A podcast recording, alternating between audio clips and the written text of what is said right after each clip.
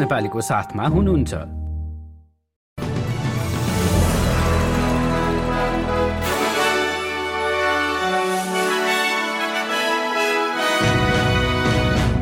नमस्कार आज मंगलबार दस जनवरी दुई हजार चौबिस। अब पालो भएको छ एसपीएस नेपालीमा आजका प्रमुख अस्ट्रेलियन समाचारहरू सुन्ने। प्रसंग शुरू गरौं प्यासिफिक मार्गको विस्तारबाट। प्रधानमन्त्री एन्थोनी आल्बनिजीले सिडनी र ब्रिस्बेनलाई जोड्ने प्यासिफिक मार्गको विस्तारले राष्ट्र निर्माणमा योगदान पुर्याउने बताएका छन्। रेमण्ड टेरेससम्मको एम वान पेसिफिक मोटरवे विस्तारको प्रगतिको निरीक्षण गर्न प्रधानमन्त्री आल्बनिजी हन्टर क्षेत्र पुगेका थिए। एम वान मोटरवे परियोजना रोजगारी अर्थतन्त्र र सड़क सुरक्षाका लागि राम्रो रहेको उनको भनाइ छ। यता अस्ट्रेलियाले सन् दुई हजार पच्चीसदेखि क्षेप्यास्त्र अर्थात मिसाइलको निर्माण थाल्ने संघीय सरकारले घोषणा गरेको छ। अमेरिकासँग तीन करोड़ सत्तरी लाख डलरको सम्झौता भएको कार्यवाहक रक्षा मन्त्री प्याट क्रोनोयले बताएका हुन्।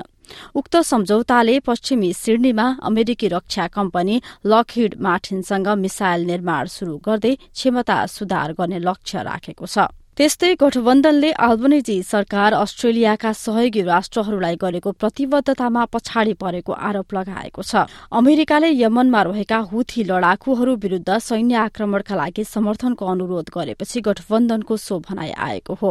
आल्बनेजी सरकारले रेड अस्ट्रेलियाको रक्षा बलको उपस्थिति तीन गुणा गर्ने बाचा गरेको भए पनि अझै कार्यान्वयन गर्न बाँकी छ।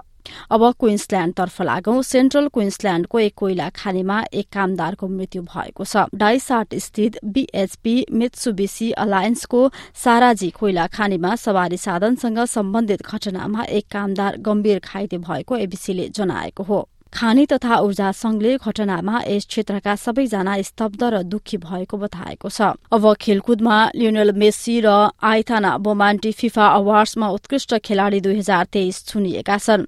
त्यस्तै म्यान्चेस्टर सिटीका पेप गाडियोला उत्कृष्ट प्रशिक्षक घोषित भएसँगै टोटनह्यामका एन्ज पोस्ट कोग्लु पुरस्कृत हुनबाट चुकेका छन्। हस्त एसपीएस नेपालीबाट आजको प्रमुख समाचार यति नै। सुरक्षित रहनुहोस्। नमस्ते।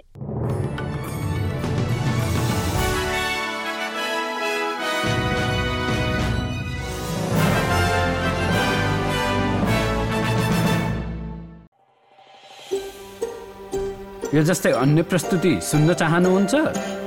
एप्पल पोडकास्ट गुगल पोडकास्ट स्पोटिफाईमा हामीलाई खोज्नुहोस् वा तपाईँले पोडकास्ट सुन्ने अन्य सेवामा।